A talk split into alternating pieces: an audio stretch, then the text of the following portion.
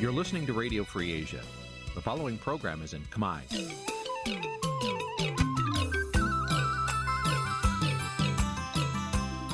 Nǐ chi càm bi tiệp xáy vệt chiu a zì sê ray នេះជាកម្មវិធីផ្សាយរបស់ Vithu Azisari ជាភាសាខ្មែរ វត្តឈូអាស៊ីសេរីសូមស្វាគមន៍លោកអ្នកនាងទាំងអស់ពីរដ្ឋធានី Washington នៃសហរដ្ឋអាមេរិក បាទពីរដ្ឋធានី Washington សហរដ្ឋអាមេរិកខ្ញុំបាទមេរិតសូមជម្រាបសួរលោកអ្នកនាងកញ្ញាប្រិយមិត្តអ្នកស្ដាប់ Vithu Azisari ទាំងអស់ជាទីមេត្រីយើងខ្ញុំសូមជូនកម្មវិធីផ្សាយសម្រាប់ព្រឹកថ្ងៃច័ន្ទ14រោចខែស្រាប់ឆ្នាំឆ្លូវត្រីស័កពុទ្ធសករាជ2565ដែលត្រូវនឹងថ្ងៃទី6ខែកញ្ញាគ្រិស្តសករាជ2021បាទជាដំបូងនេះសូមអញ្ជើញលោកនាងស្ដាប់ព័ត៌មានប្រចាំថ្ងៃដែលមានមេត្តាដូចតទៅ អ្នកច្បាប់បារម្ភអំពីការបំពាននីតិវិធីច្បាប់និងសិទ្ធិរបស់កសិករដាំតងែននៅខេត្តបាត់ដំបងព្រោះគ្មានមេធាវីការពីក្តីឲ្យជន់ជាប់ចោតលោកកឹមសុខាបញ្ជាក់ជាថ្មីកុំឲ្យយកឈ្មោះលោកទៅពាក់ព័ន្ធជាមួយនឹងការបង្កើតបកឬចលនានយោបាយណាមួយសកម្មជនបកប្រឆាំងម្នាក់ភៀសខ្លួននៅប្រទេសថៃត្រូវជន់មិនស្គាល់មុខវាយឲ្យរបួសធ្ងន់ ប្រពន្ធអ្នកជាប់ឃុំក្នុងរឿងចំនួនដីធ្លីដែលស្លាប់ក្រោយធ្លាក់ខ្លួនឈឺនៅក្នុងពន្ធនាគារខេត្តកណ្ដាលស្នើតុលាការផ្ដល់យុត្តិធម៌ដល់សពដែលជាប់ឃុំទាំងគ្មានទោសកំហុសរួមនឹងព័ត៌មានផ្សេងៗមួយចំនួនទៀតបាទជាបន្តទៅទីនេះខ្ញុំបាទមេរិតសូមជូនព័ត៌មានទាំងនេះពិស្ដា បាឡូណានីងជាទីមេត្រីក្រុមអ្នកច្បាប់បារម្ភអំពីការបំពាននីតិវិធីច្បាប់ និងសិទ្ធិរបស់កសិករដាំតង្កែនៅខេត្តបាត់ដំបងព្រោះដំណើរការក្តីប្រព្រឹត្តទៅយ៉ាងតក់ក្រហល់និងដោយគ្មានមេធាវីការពីក្តីឲ្យជន់ជាប់ចោតក្តីបារម្ភរបស់ក្រុមមេធាវីទាំងនេះធ្វើឡើងក្រោយតឡាការខេត្តបាត់ដំបងកាលពីថ្ងៃទី24ខែសីហា បានកាត់ទោសឲ្យលោកងួនលីជាកសិករដាំតង្កែនឲ្យជាប់ពន្ធនាគាររយៈពេល10ខែដោយចោទប្រកាន់រូបលោកពីបទញុះញង់ឲ្យប្រព្រឹត្តបទឧក្រិដ្ឋជាអាតក្រោយពីលោកបានបង្ហោះសារនៅលើបណ្ដាញសង្គមរិះគន់អាញាធរដែលក្បត់ពាក្យសន្យា ដែលថាទិញផ្លែតង្កែនគាត់ក៏ប៉ុន្តែរួចហើយបែរជាមិនទិញវិញ បាទលោកមួងណារ៉េតរាយការណ៍ព័ត៌មាននេះពិស្ដាពីរដ្ឋធានី Washington ទាំងរដ្ឋធម្មនុញ្ញនិងក្រមនីតិវិធីព្រហ្មទណ្ឌកម្ពុជាសុទ្ធតែមានចែងអំពីគោលការណ៍នៃការជំនុំជម្រះក្តីដោយយុត្តិធម៌ដែលរួមមានទាំងសិទ្ធិការពារក្តីទាំងការពារក្តីដោយខ្លួនឯងនិងសិទ្ធិមានមេធាវីការពារសិទ្ធិនិងអត្ថប្រយោជន៍តាមផ្លូវច្បាប់របស់កូនក្តីនីតិវិធីច្បាប់អាចមានភាពស្មុគស្មាញនិងអាចមានការភ័ន្តច្រឡំដូច្នេះប្រសិនបើគ្មានមេធាវីតំណាងបុគ្គលដែលរងការចោទប្រកាន់រឿងព្រហ្មទណ្ឌ ទំនងជាខាតប្រយោជន៍និងបាត់បង់សិទ្ធិតាមផ្លូវច្បាប់របស់ខ្លួនអាចដោយសារតែការខ្វះចំណេះដឹងផ្នែកច្បាប់ និងប្រព័ន្ធតុលាការនិងដោយសារតែគ្មានមេធាវីតំណាងនៅតុលាការមេធាវីនៃការិយាល័យ Rise and Business លោកសេកសុភ័ណ្ឌថាជាទូទៅបើទោះបីជាមន្ត្រីតុលាការ សួរយោបល់ជនជាប់ចោតឲ្យសម្រេចរឿងចង់មានមេធាវីឬអត់ក៏ដោយក៏ជនជាប់ចោតភ ieck ច្រើនមិនមានចំណេះដឹងគ្រប់គ្រាន់ដើម្បីសម្រេចរឿងនេះនោះឡើយ ជាទូទៅគេសួរថាលោកអាចឆ្លើយខ្លួនឯងបានអីឬក៏អត់ចឹងណាហើយពួកគាត់មិនដឹងថាសិទ្ធិរបស់គាត់ខ្លួនឯងនេះយ៉ាងម៉េចផង ជាទូទៅណាពលរដ្ឋខ្មែរយើងនឹងអញ្ចឹងហើយការដែលគាត់ទៅសួរប្រគ្រប់ទម្រង់ហ្នឹងវាបើនិយាយពីខ្លឹមសារគឺប៉ះពាល់សិទ្ធិមានមេធាវីរបស់ជនជាប់ចោតហើយខ្ញុំមិននិយាយតែរឿងករណីហ្នឹងមួយណាព្រោះខ្ញុំអត់នៅក្នុងរឿងហ្នឹងឯងប៉ុន្តែជាគោលការណ៍ ត្រូវតែមានមេធាវី នៅក្នុងដំណើរការក្តីនៅក្នុងដំណើរការក្តីនៅក្នុងតឡាការខេត្តបាត់ដំបងកាលពីថ្ងៃទី24ខែសីហានោះបើតាមម្ដាយរបស់លោកងួនលី គឺលោកស្រីកឹមបុលថាកូនប្រុសលោកស្រីត្រូវតឡាការបើកសវនាការកាត់ទោសដោយគ្មានមេធាវីការពារក្តីឲ្យនោះទេលោកស្រីថាការកាត់ទោសកូនប្រុសរបស់លោកស្រីធ្វើឡើងយ៉ាងតក់ក្រហល់រកតែលោកស្រីត្រៀមអ្វីដើម្បីជួយកូនក៏មិនទាន់ លោកស្រីសោកស្ដាយដែលតឡាការមិនទុកឱកាសឲ្យក្រុមគ្រួសារលោកស្រីបានពឹងពាក់អង្គការសង្គមស៊ីវិលផ្នែកសិទ្ធិមនុស្សដើម្បីរកមេធាវីការពារក្តីឲ្យកូនប្រុសដែលលោកស្រីអះអាងថាគេចាប់កាត់ទោសទាំងគ្មានកំហុសនិងដោយអយុត្តិធម៌បំផុតប៉ុន្តែប៉ុណ្ណោះលោកស្រីបន្ថែមថាសូម្បីតែលោកស្រីនិងក្រុមគ្រួសារអង្វរអាញាធរយ៉ាងណាក៏គេមិនអោយលោកស្រីបានចូលទៅស្ដាប់សវនាការឬបានជួបមុខលោកងួនលីនោះឡើយដោយសមត្ថកិច្ចយកលេសថាដើម្បីបង្ការជំងឺ Covid-19 លោកស្រីថាបើបង្ការជំងឺ Covid-19 លោកស្រីសុំជួបមុខកូនត្រឹមតែពីចម្ងាយក៏គេមិនអោយជួបដែរទាំងខ្ញុំទាំងបងប្អូនទាំងអស់ខ្ញុំទៅចូលវាអត់ឲ្យចូលអត់ឲ្យជួប ខ្ញុំទៅដល់ហើយសុកដល់ហើយសុកខ្ញុំថាខ្ញុំសុំឲ្យទៅរៀបខ្ញុំជួបបន្តិចមកខ្ញុំសុំឲ្យអាវមួយឬទៅខោមួយផ្លាស់ឬទៅកម្មាមួយយ៉ាងដែរគេថាគេអត់ឲ្យគេដល់ជួបគាត់ពីចម្ងាយខ្ញុំសុំតែជួបមើលមុខពីចម្ងាយក៏អត់ឲ្យខ្ញុំសោកសង្រេងកូនខ្ញុំហ្នឹងគឺអ្នកច្បាប់ថាតាមគោលការណ៍ច្បាប់រាល់កិច្ចដំណើរការនីតិវិធីតុលាការគឺត្រូវធ្វើជាសាធារណៈ និងត្រូវអនុញ្ញាតឲ្យសាធារណជនទូទៅ និងសាច់ញាតិចូលស្ដាប់សវនាការសាច់ញាតិមានសិទ្ធិទទួលបានដំណឹងអំពីការចាប់ខ្លួនរបស់សមាជិកគ្រួសាររបស់ពួកគាត់ម្យ៉ាងវិញទៀតលោកមេធាវីសេកសុភ័ណ្ឌបន្ថែមថាពេលស្ថិតនៅក្នុងឃុំជនជាប់ចោតរងការរដ្ឋបិទសិទ្ធិសេរីភាពជាក់លាក់មួយចំនួនមែនក៏ប៉ុន្តែមិនមែនបាត់បង់សិទ្ធិសេរីភាពទាំងស្រុងនោះទេ ជារួមបើសិនជាបទល្មើសតូចតាចហ្នឹងឧបមាថាដកសេរីភាពតែមួយឆ្នាំមួយឆ្នាំកន្លះអីទេសិទ្ធិផ្សេងផ្សេងទៀតនៅមានទាំងអស់មានន័យសិទ្ធិទំនាក់ទំនងជាមួយគ្រួសារសិទ្ធិដឹងព័ត៌មានសិទ្ធិត្រូវឲ្យមានសុខភាពល្អនៅពេលជុំសិទ្ធិអីផ្សេងផ្សេងទៀតនៅមានទាំងអស់ជុំវិញរឿងនេះស្នងការនគរបាលខេត្តបាត់ដំបងលោកសាទកឹមសាន ថាលោកមិនបានដឹងរឿងនេះទេខ្ញុំអត់អត់អត់បានទទួលព័ត៌មាននឹងផងព្រោះខ្ញុំអត់កម្មកម្មអីហ្នឹង លោកឲ្យទេទៅខាងតុលាការ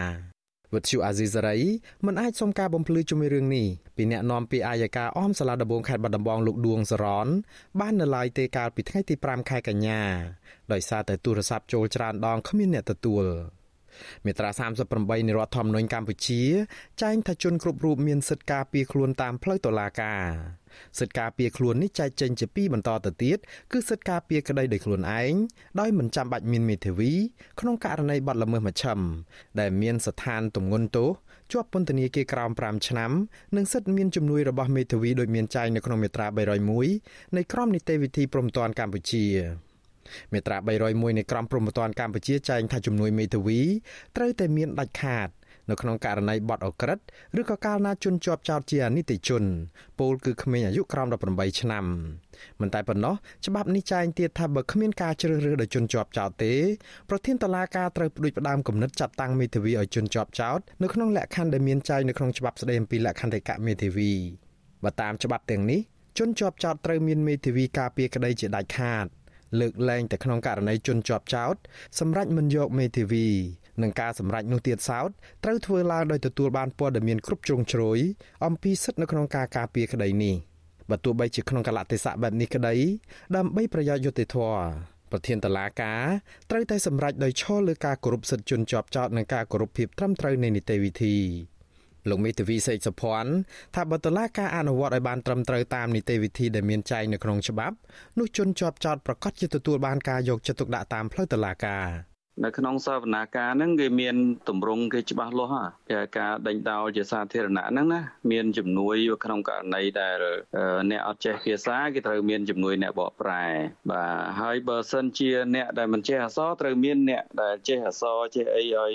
ជួយមើលការខុសត្រូវចំពោះគាត់អញ្ចឹងហើយការដែលគាត់ត្រូវបានគេចោទពីបទអីហ្នឹងជាសិទ្ធិរបស់គាត់ដែលត្រូវដឹងហើយគាត់មិនអាច ឲ្យដឹងតែម្នាក់ឯងហើយដោយគ្មានអ្នកជួយប្រឹក្សាយោបល់មិនមិនណាបាទជារួមនៅក្នុងនីតិវិធីសាវនាការនឹងដំឡាភាពល្អណាបាទគេឲ្យដេញដោលគេឲ្យតឡាការប្រាប់ពិសិដ្ឋរបស់គាត់ហើយប្រាប់ពិសិដ្ឋរបស់គាត់ហ្នឹងក្នុងករណីខ្លះគឺគាត់អាចថាខ្ញុំត្រូវការមេធាវីហើយជាងការគាត់មិនដឹងថាគាត់ត្រូវការឬក៏អត់ដើរកគ្មានលុយឲ្យគេជាងការគាត់យល់អញ្ចឹងគាត់ថាគាត់អាចឆ្លើយខ្លួនឯងអញ្ចឹងទៅណាជាក់ស្ដែងណា រឿងតម្រង់ហ្នឹងពិបាកប៉ុន្តែយើងរួមនីតិវិធីសវនាការសាធារណៈនៅក្នុងនីតិវិធីល្អនៅក្នុងនីតិវិធីដែលគេគេចែងណាក៏ប៉ុន្តែនីតិវិធីដែលមានចែងលើក្រដាស់នោះនៅក្នុងការអនុវត្តជាក់ស្ដែងមានករណីជាច្រើន ដែលជនជាប់ចោតនៅក្នុងបទមជ្ឈិមមិនមានមេធាវីការពារនិងបាត់បង់សេរីភាពនិងអត្ថប្រយោជន៍ជាច្រើនរបស់គាត់ មជ្ឈមណ្ឌលសិទ្ធិមនុស្សកម្ពុជា កាលពីខែមេសាឆ្នាំ2020រកឃើញភាពឆក់ល្វែងនេះនៅក្នុងដំណើរការក្តីនៅសាលាធរដោយនៅក្នុងនោះជនជាប់ចោតម្នាក់នៅក្នុងចំណោម4នាក់ឬស្មើនឹង25%មិនបានទទួលសិទ្ធិមានមេធាវីរបស់ពួកគេឡើយស្ត្រីមេម៉ាយដែលជាម្ដាយរបស់លោកងួនលី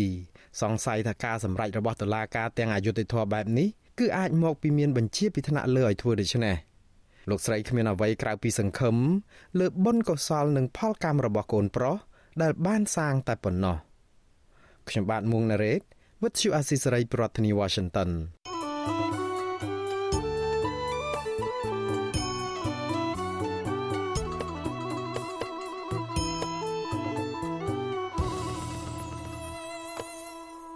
បាទលោកនាងជាទីមេត្រីជុំវិញរឿងរ៉ាវរបស់កសិករដាំតង្ហែនៅខេត្តបាត់ដំបងនេះដែរ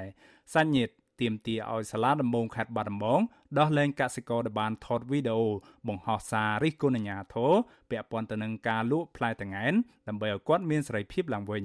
ម្ដាយរបស់កសិកររូបនេះថាអាជ្ញាធរស្រុកកំរៀងគឺជាអ្នកទទួលខុសត្រូវនៅក្នុងរឿងនេះព្រោះបានក្រឡាស់សម្ដីមិនព្រមទិញផ្លែតង្កែនពីកសិករងួនលីបាទលោកជីវិតារាយការណ៍អំពីព័ត៌មាននេះអ្វីត្បិតតែការចាប់ខ្លួនលោកងួនលីដាក់ក្នុងពន្ធនាគារ អាចគម្រាមកំហែងឲ្យកសិករផ្សេងទៀតលែងហ៊ានបញ្ចេញមតិតវ៉ាពីការលក់ផ្លែមៀនឬផ្លែតង្កែនមែនតែការកាត់ក្តីនេះបានធ្វើឲ្យរដ្ឋាភិបាលទទួលរងការរិះគន់ខ្លាំងម្ដាយរបស់កសិករងួនលី គឺលោកស្រីកឹមបុលមិនពេញចិត្តនឹងការកាត់សេចក្តីរបស់តុលាការដែលបានសម្រេចដាក់ពន្ធនាគារកូនប្រុសខ្លួនរយៈពេល10ខែដែលលោកស្រីថាដោយគ្រាន់តែលោកងួនលីបញ្ចេញមតិ រឿងអាញាធមមិនព្រមទិញផ្លែតង្ហែនលោកស្រីអះអាងថា ដើមចមដែលបណ្ដាលឲ្យកូនប្រុសថតបង្ហោះសារបញ្ចេញមតិព្រោះតែអាញាធរស្រុកកំរៀងប្រាប់កសិករក្បែរភូមិឲ្យប្រមូលផលផ្លែតង្ហែន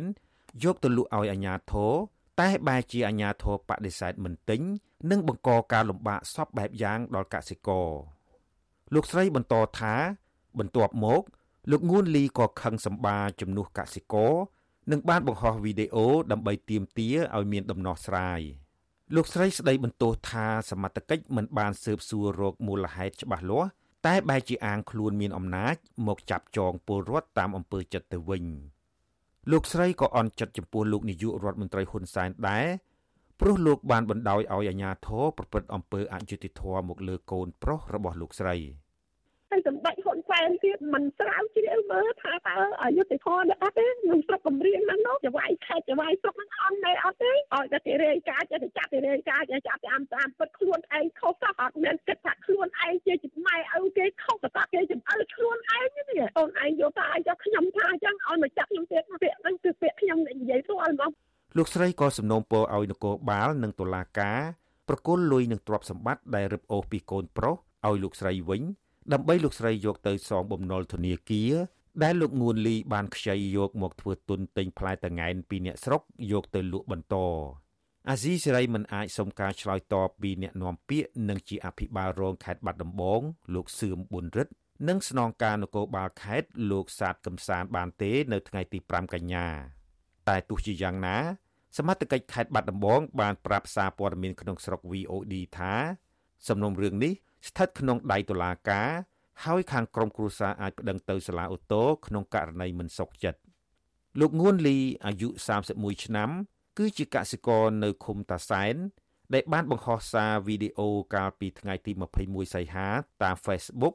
បង្ហាញការមិនពេញចិត្តចំពោះអាញាធរខេត្តបាត់ដំបងក្នុងការប្រមូលទិញផ្លែតង្កែនមិនស្មើភាពគ្នា លោកនិយាយថាអាញាធរបានឲ្យប្រជាពលរដ្ឋបេះផ្លែតង្កែនទាំងនោះហើយ ប៉ុន្តែមិនបានទៅទិញយកពីពួកគាត់ពីថ្ងៃក្រោយការបង្ហោះសារនេះនគរបាលស្រុកកំរៀងបានចុះចាប់លោកងួនលីនិងកសិករម្នាក់ទៀតដល់ផ្ទះ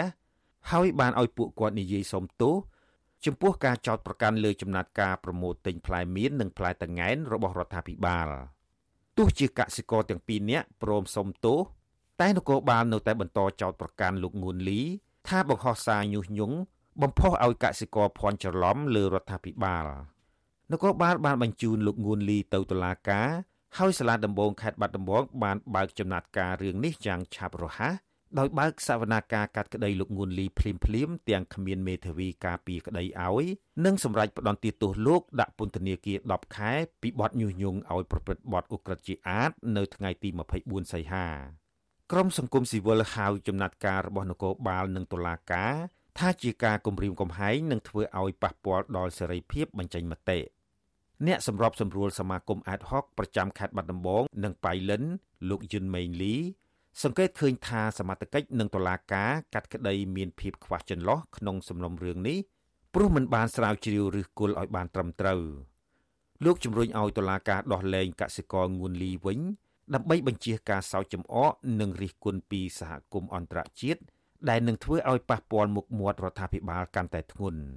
អញ្ចឹងយើងចង់ឲ្យរដ្ឋាភិបាលនឹងលោកបើកលំហសេរីភាពនឹងឡើងវិញអញ្ញាធរគ្រប់លំដាប់ថ្នាក់លោកធ្វើការពិនិត្យឡើងវិញទៅលើសេរីភាពអស់ទាំងហ្នឹងតើវាជាការញុះញង់ឬក៏ជាការបញ្ចេញមតិបុគ្គលងួនលីម្នាក់គាត់មានអធិបុលអីទៅធ្វើឲ្យគេនឹងជឿតាមខ្លួនធ្វើឲ្យប្រព្រឹត្តបទឧក្រិដ្ឋជាអាតមានអធិបុលអីយើងពិនិត្យមើលឡើងវិញទៅបញ្ហាហ្នឹង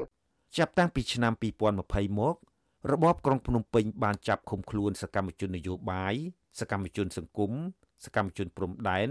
អ្នកការពារធនធានធម្មជាតិសកម្មជនដីធ្លី គ្រូបង្រៀនព្រះសង្ឃយុវជន និងអនិច្ចជនក្រោមអាយុ18ឆ្នាំសរុបជិត90នាក់ហើយពួកគាត់ភ័យច្រើនរងការចោទប្រកាន់ពីបទញុះញង់និងចូលរួមគំនិតក្បត់ប៉ុន្តែក្រុមអ្នកការពារសិទ្ធិមនុស្សជាតិនិងអន្តរជាតិ ហៅការចោទប្រកាន់ទាំងនោះថាជាចេតនាបង្ក្រាបលើសម្លេងរិះគន់និងសេរីភាពបញ្ចេញមតិពួកគេទាមទារឲ្យមានការដោះលែងសកម្មជនទាំងនោះវិញនិងគោរពសិទ្ធិពលរដ្ឋដោយដែលមានចែងក្នុងរដ្ឋធម្មនុញ្ញកម្ពុជា និងច្បាប់អន្តរជាតិដែលកម្ពុជាបានទទួលស្គាល់ខ្ញុំជីវិតាអាស៊ីសេរី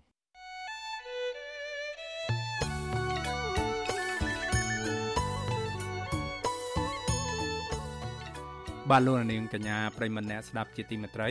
នៅក្នុងឱកាសនេះដែរខ្ញុំបាទសូមថ្លែងអំណរគុណដល់លោកនាងកញ្ញាទាំងអស់ដែលតែងតែមានភក្ដីភាពចំពោះការផ្សាយរបស់យើងខ្ញុំហើយចាត់ទុកការស្ដាប់ Visual Asia សេរីគឺជាផ្នែកមួយនៃសកម្មភាពប្រចាំថ្ងៃរបស់លោកនាងការគ្រប់គ្រងរបស់លោកនាងនេះហើយដែលធ្វើឲ្យយើងខ្ញុំមានទឹកចិត្តកាន់តែខ្លាំងថែមទៀតនៅក្នុងការស្វែងរកនិងផ្តល់ព័ត៌មានពិតជូនលោកនាង មានអ្នកស្ដាប់និងអ្នកទស្សនាកាន់តែច្រើន កាន់តែធ្វើយើងខ្ញុំមានភាពស្វាហាប់និងមោះមុតជាបន្តទៅទៀតបាទយើងខ្ញុំសូមអរគុណទុកជាមុនហើយសូមអញ្ជើញលោកអ្នកនាងកញ្ញាចូលរួមជំរុញឲ្យសកម្មភាពផ្តល់ព័ត៌មានពិតរបស់យើងខ្ញុំនេះកាន់តែជោគជ័យបន្ថែមទៀតលោកអ្នកនាងអាចជួយយើងខ្ញុំបានដោយគ្រាន់តែចុចចែករំលែកឬ Share ការផ្សាយរបស់យើងខ្ញុំនៅលើបណ្ដាញសង្គម Facebook និង YouTube ទៅកាន់មិត្តភ័ក្តិដើម្បីឲ្យការផ្សាយរបស់យើងបានទៅដល់មនុស្សកាន់តែច្រើន បាទសូមអរគុណ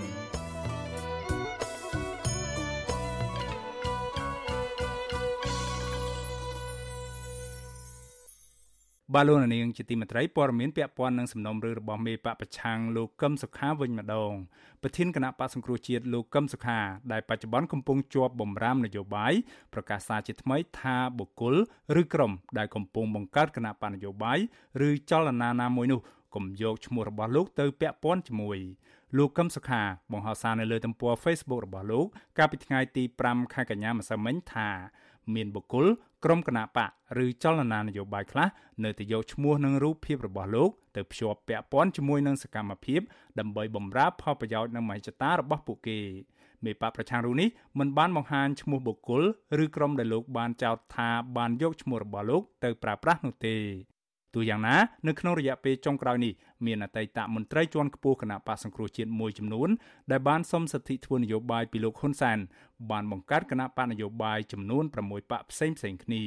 ចំណែកឯប្រធានស្ដីទីគណៈបកសង្គ្រោះជាតិលោកសំរងស៊ីវិញលោកបានប្រកាសអំពាវនាវជាបន្តបន្ទាប់ឲ្យពលរដ្ឋនិងកងកម្លាំងប្រដាប់អាវុធដែលស្នេហាប្រជាធិបតេយ្យនិងការផ្លាស់ប្ដូរនាំគ្នាចូលរួមបង្កើតរដ្ឋាភិបាលបង្រួបបង្រួមជាតិដោយនៅប្រទេសមីយ៉ាន់ម៉ាឬភូមាដើម្បីទាមទារយកលទ្ធិប្រជាធិបតេយ្យនិងការគោរពសិទ្ធិមនុស្សពីរបបលោកហ៊ុនសែនមកវិញជុំវិញបញ្ហានេះអ្នកវិភាគនយោបាយលោកកឹមសុខ ថ្លែងថាការបញ្ជាក់ចំហរបស់លោកកឹមសុខាបែបនេះមិនមែនដោយសារតែលោកកឹមសុខាភ័យខ្លាចប្រឈមមុខនឹងបញ្ហាផ្លូវច្បាប់នោះទេក៏ប៉ុន្តែលោកថានេះបង្ហាញថាលោកកឹមសុខា នៅតែមិនព្រមបោះបង់ចោលគណៈបកសង្គ្រោះជាតិនិងចង់បង្ហាញចំហទុនភ្លុនដើម្បីចរចានយោបាយជាមួយគណៈបកកណ្ដាលអំណាចឈានទៅរកការផ្សះផ្សាជាតិឡើងវិញ។ មើលទៅមិនពាក់ព័ន្ធនឹងរឿងគាត់ខ្លាចទេក៏ប៉ុន្តែពាក់ព័ន្ធទៅនឹងយុទ្ធវិធីនយោបាយយុទ្ធវិធីនយោបាយដែលឥទ្ធិពលគឺគាត់ដឹងច្បាស់ថាទី1គាត់ត្រូវតែឈរឲ្យរឹងមាំធ្វើជាតំណាងនៃគណៈបកសង្គ្រោះជាតិហើយទី2ស្ថានភាពមកដល់ពេលបច្ចុប្បន្នមានតែរកការផ្សះផ្សាឬក៏សម្របសម្រួលឬក៏ចរចាដើម្បីទម្លុះទម្លាយភាពជាប់ នយោបាយម្លោះហើយនោះជាគាត់មិនអាចទៅពាក់ព័ន្ធនឹងចលនានយោបាយថ្មីថ្មីនោះទេគឺនៅឲ្យរឹងមាំក្នុងឈ្មោះជាតំណាងនៃចលនានយោបាយសង្គមជាតិជារួមអ្នកវិភាគនយោបាយរូបនេះក៏បានជំរុញឲ្យលោកកឹមសុខាគួរតែប្រើប្រាស់សិទ្ធិក្នុងនាមជាពលរដ្ឋដើម្បីថ្លែងសារពីបញ្ហាប្រទេសជាតិនិងប្រជាពលរដ្ឋឲ្យបានច្រើនជាងមុនទោះបីជាតឡាការរបបលោកហ៊ុនសែនបានដកហូតសិទ្ធិធ្វើនយោបាយរបស់លោកក៏ដោយ លោកយល់ថាការរក្សាភាពស្ងៀមស្ងាត់របស់លោកកឹមសុខាដោយសពថ្ងៃនេះមិនមែនជាវិធីល្អនោះឡើយប្រធានគណៈបកសង្គ្រោះជាតិលោកកឹមសុខាបច្ចុប្បន្នកំពុងជាប់ក្តីក្តាំនៅតុលាការពីបទសន្តិទិភាពឬការត្រូវរើគ្នាជាមួយរដ្ឋបរទេសដើម្បីផ្ដួលរំលំរដ្ឋាភិបាលរបស់លោកហ៊ុនសែនក៏ប៉ុន្តែក្នុងរយៈពេល4ឆ្នាំមកនេះទាំងលោកហ៊ុនសែននិងតុលាការរបស់លោកមិនបានបង្ហាញភ័ស្តុតាងរឹងមាំដែលគ្រប់គ្រងដល់ការចាត់បង្កាន់លោកកឹមសុខានោះឡើយ តឡាការរបបលោកហ៊ុនសែនបានដាក់លោកកឹមសុខាឲ្យស្ថិតនៅក្រោមការត្រួតពិនិត្យតាមផ្លូវតឡាការដោយមិនឲ្យលោកចាកចេញពីប្រទេសកម្ពុជា និងគ្មានសិទ្ធិធ្វើនយោបាយឡើយ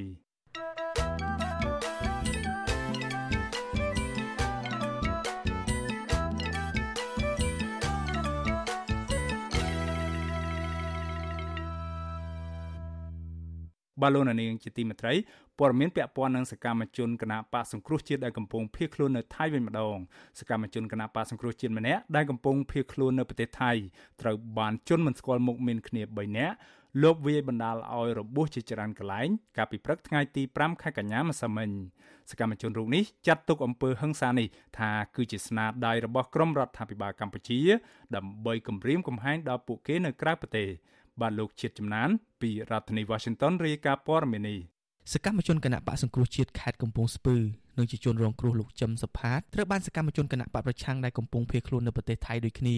បញ្ជូនទៅសង្គ្រោះបន្ទាន់ភ្លាមភ្លាមក្រោយពេលដែលជនមិនស្គាល់មុខវាយបង្ករបួសស្នាមជនរងគ្រោះលោកចឹមសុផាតប្រាប់វិសុអេស៊ីសរ៉ៃក្រោយពេលកើតហេតុថាជនល្មើសមានគ្នា3នាក់បានបើករថយន្តសេរីទំនើបពណ៌ខ្មៅមួយគ្រឿងបានចាប់រុញលោកបញ្ជូនចូលក្នុងរថយន្តទាំងកំរោល ក្នុងពេលដែលលោកកំពុងធ្វើដំណើរតាមចិញ្ចើមផ្លូវនៅកណ្ដាលទីក្រុងបាងកកសកម្មជនវ័យ33ឆ្នាំរូបនេះបន្តថាពេលនោះជនល្មើសបានយកទឹកអាល់កុលបាញ់ចំភ្នែករួចវាយក្បាលនិងចាប់ដៃរបស់លោកគៀបជាប់នឹងទ្វារឡានបណ្ដាលឲ្យរងរបួសជាច្រើនកន្លែងលោកបន្ថែមថាជនល្មើសម្នាក់ក្នុងចំណោម3នាក់ដែលបានប្រើអំពើហិង្សានោះបាននិយាយភាសាខ្មែរគំរាមបាញ់សម្លាប់លោកដោយសារតែគាត់រើបំរាស់មិនព្រមចូលឡានរបស់ពួកគេលោកបញ្ជាក់ថាលោកបានរើបំរាស់រត់រួចក្រោយពេលដែលមានជនជាតិថៃម្នាក់ មកទាន់នឹងបានសួរនាំលោកទើបក្រុមជនល្មើសទាំងនោះដោះលែងលោកវិញហើយនាំគ្នាបើកឡានគេចខ្លួនយ៉ាងលឿន។ ពេលហ្នឹងវារុញយើងចូលឡានខ្ញុំក៏ប្រឹងបន្ទុះសរាយជាមួយនឹងភ្នែករបស់ខ្ញុំនឹងព្រិលព្រិលខ្ញុំបន្ទុះតប់ជាមួយវាទៅក៏វាយយើងមកហើយប៉ុន្តែមិនដឹងថាវាយមកស្អីបងខ្ញុំគិតថាការធ្វើនេះគឺជាការរៀបចំរបស់រដ្ឋាភិបាលរបស់ក្រុងភ្នំពេញព្រោះបើជំរឿជនជាតិថៃខ្ញុំមិនជឿថាគេគុំគួនខ្ញុំទេព្រោះខ្ញុំមិនដែលមានរឿងអីជាមួយជនជាតិថៃផងឃើញមានអាសាគម្រាមមកខ្ញុំផ្ទាល់ថាបាញ់ខ្ញុំចោលសម្លាប់ខ្ញុំចាប់ខ្ញុំបញ្ជូនទៅខ្មែរខ្ញុំមានផុសតាងមានឯកសារនឹងទាំងអស់បងបាទដែលគេគម្រាមខ្ញុំមុនដែលកាត់ហេតុនេះបង លោកចឹមសុផាតជាយុវជនគណៈបកសង្គ្រោះជាតិខេត្តកំពង់ស្ពឺបានភៀសខ្លួនទៅប្រទេសថៃប្រមាណ3ឆ្នាំហើយដោយសារតែរបបក្រុងភ្នំពេញតាមធ្វើទុកបុកម្នេញលោកអំឡុងពេលភៀសខ្លួននៅប្រទេសថៃសកម្មជនរូបនេះតែងតែបង្ហោះសារនិងនិយាយតាមបណ្ដាញសង្គម Facebook រិះគន់រដ្ឋាភិបាលលោកហ៊ុនសែនជាបន្តបន្ទាប់បន្ថែមពីនេះលោកតែងតែចុះថតសកម្មភាពក្រុមយុវជនថៃធ្វើបាតកម្មនៅទីក្រុងបាងកកផ្សាយតាមបណ្ដាញសង្គម Facebook របស់លោកជាប្រចាំ សកម្មជនបកប្រឆាំងម្នាក់ដែលបានបញ្ជូនលោកចឹមសុផាតទៅមន្ទីរពេទ្យលោកខុនសធីប្រាប់ថាលោកចឹមសុផាត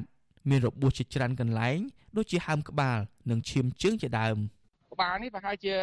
វាមាន3 4កន្លែងដូចយើងវាយក្បាលវាយក្បាលច្រើនដែរប៉ុន្តែគាត់ថាឃើញយើងឃើញពោកឡើងឈាមហ្នឹងពី3កន្លែងបងឥឡូវខ្ញុំផតអីទៅផ្ញើទៅឲ្យមេធាវីគាត់ធ្វើបោះតាំងហើយជង្គង់ក្បាលជង្គង់ហ្នឹងឈាមដាច់បាទជង្គង់ហ្នឹងវាលាត់ចេញឈាមហើយដៃហើម វិសុអស៊ីសេរីមិនអាចតាក់ទងមន្ត្រីទូតខ្មែរប្រចាំប្រទេសថៃនិងអ្នកនាំពាក្យអគ្គស្នងការនគរបាលជាតិដើម្បីសូមអត្ថាធិប្បាយជុំវិញពីការវាយសកម្មជនគណៈបកប្រឆាំងនេះបានទេនៅថ្ងៃទី5ខែកញ្ញាប៉ុន្តែអ្នកនាំពាក្យគណៈបកកណ្ដាលអំណាចលោកសុកអេសានប្រាប់វិសុអស៊ីសេរីថារដ្ឋាភិបាលដែលដឹកនាំដោយគណៈបកប្រជាជនកម្ពុជាមិនបានទៅវាយធ្វើបាបសកម្មជនគណៈបកប្រឆាំងនៅប្រទេសថៃដូចជាការចោទប្រកាន់របស់ជនរងគ្រោះនោះទេបន្ថែមពីនេះលោកលើកទឹកចិត្តឲ្យជនរងគ្រោះប្តឹងទៅអាជ្ញាធរថៃ ដើម្បីចាប់ជនដៃដល់មកផ្ដន់ទាទោសតាមច្បាប់ប្រសើរជាងចោតប្រកាន់ទៅលើរដ្ឋាភិបាលកម្ពុជា អានឹងដូចចំនួនបោះឆ្នោតឆ្នាំ93ឆ្នាំ98អញ្ចឹងគ្រោះថ្នាក់ចរាចរណ៍ក៏ស្រ័យថាសមាជិកខ្ញុំដល់ឡើងឡានបុកជ្រូកឡានបុកខែដល់សមាជិកខ្ញុំទេសមាជិកខ្ញុំទេដល់សម្រុកទៅមើលកែសោះអានឹងមិនជឿកើតឥឡូវបើគាត់និយាយអានឹងបងឯងត្រូវទួគាត់ថាឥឡូវបើមានបាតុភិបកើតឡើងនោះមិនក៏សម័យជួននឹងមិនសហការជាមួយសមាជិកថៃដើម្បីឲ្យចាប់ខ្លួនជនប្រព្រឹត្តល្មើសនោះទៅអានឹងយើងឃើញជាក់ស្ដែងហើយប៉ូលីសថៃគេមកចោតបុកគេ ទោះជាយ៉ាងណាអំពើហិង្សាលើសកម្មជនបពប្រឆាំងនេះកើតឡើងក្រោយពេលដែលទីប្រឹក្សាផ្ទាល់លោកហ៊ុនសែននិងរដ្ឋលេខាធិការក្រសួងទេសចរលោកសុកសុក្រិតជាកាលពីពេលថ្មីថ្មីនេះបានជួបពិភាក្សាជាមួយនឹងរដ្ឋមន្ត្រីក្រសួងសេដ្ឋកិច្ច Digital និងសង្គមថៃលោកឆៃវុฒនាកណាសនដោយស្នើឲ្យអាជ្ញាធរថៃជួយទប់ស្កាត់ក្រុមសកម្មជនគណបកសង្គ្រោះជាតិដែលលោកចោទថាបានយកទឹកដីថៃធ្វើជាមូលដ្ឋាននៃការប្រើប្រាស់បណ្ដាញសង្គម វិប្រហារនឹងជេរប្រមាថរបបក្រុងភ្នំពេញនិងជេរប្រមាថលោកហ៊ុនសែនជុំវិញរឿងនេះប្រធានសមាគមការពារសិទ្ធិមនុស្សអាត់ហុកលោកនេះសុខាមានប្រសាសន៍ថាសកម្មជនគណៈបកប្រឆាំងដែលកំពុងភៀសខ្លួននៅក្រៅប្រទេសប្រឈមនឹងការចាប់ខ្លួនដាក់ពន្ធនាគារពីសំណាក់អាជ្ញាធរខ្មែរប្រសិនបើពួកគេត្រឡប់ចូលប្រទេសក្នុងអំឡុងពេលនេះមន្ត្រីសង្គមស៊ីវិលរូបនេះយល់ថាការបង្ករបួសស្នាមលើសកម្មជនបកប្រឆាំងនេះនឹងធ្វើឲ្យកម្ពុជាមានឈ្មោះកាន់តែអាក្រក់នៅលើឆាកអន្តរជាតិប្រសិនបើរដ្ឋាភិបាលខ្មែរ មិនឆាប់សហការជាមួយនឹងរដ្ឋាភិបាលថៃ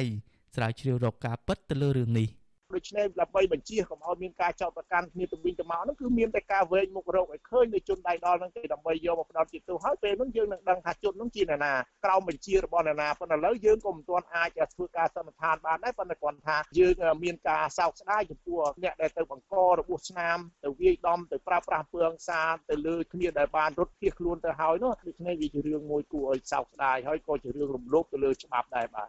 ទោះជាយ៉ាងណាជនរងគ្រោះលោកចំសុផាត គ្រងប្តឹងទៅឧត្តមស្នងការសហប្រជាជាតិទទួលបន្ទុកផ្នែកសិទ្ធិមនុស្សប្រចាំនៅទីក្រុងបាងកកក្នុងពេលឆាប់ឆាប់ដើម្បីឲ្យជួយអន្តរាគមន៍ទៅភាគីថៃដើម្បីស្រាវជ្រាវចាប់ជនល្មើសមកផ្ដន្ទាទោសតាមច្បាប់ចាប់តាំងពីឆ្នាំ2009រហូតមកដល់ពេលនេះសកម្មជនគណបកប្រឆាំងប្រមាណ30នាក់ហើយត្រូវបានជនល្មើសលបវាយបង្កឲ្យរបួសស្នាមក្នុងនោះមានអ្នកខ្លះខ្លាចជាជនពិការនិងបាត់បង់សតិស្មារតីហើយរហូតមកដល់ពេលនេះអាជ្ញាធរមិនទាន់ចាប់ជនល្មើសមកផ្ដន្ទាទោសបាននៅឡើយទេ ខ្ញុំបាទជាចំណាន Visu Assisray ពីរដ្ឋធានី Washington